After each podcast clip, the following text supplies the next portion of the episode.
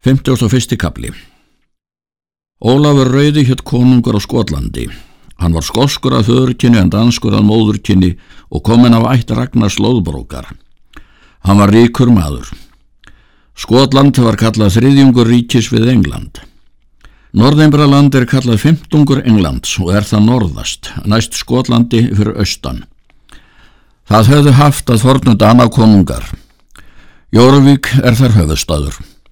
Það ríki átti aðalsteinn og hafði sett yfir jarla tvo, hétt annar álgjör en annar góðreikur.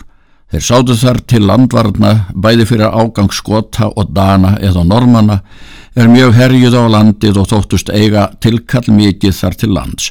Því að á norðimbralandi voru þeir einir menn, er nokkuð var til að danska eitt áttu að faderni eða móðerni en margir hvorir tveggju.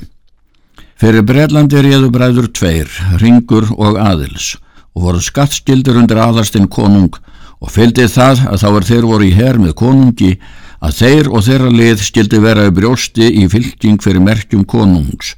Voru þeir bræður hennir mestu herrmenn og eigi all ungir menn. Elfráður hinn ríki hafi tekið alla skattkonunga af nafni og veldi, héttu þeir þá jarlar er áður voru konungar eða konungssinir. Hjælst að allt um æfi hans og játvarðar sonar hans en aðalsteinn kom ungur til ríkis og þótti af honum minni ógn standa. Gerðust á margir ótryggir þegar áður voru þjónustu fullir.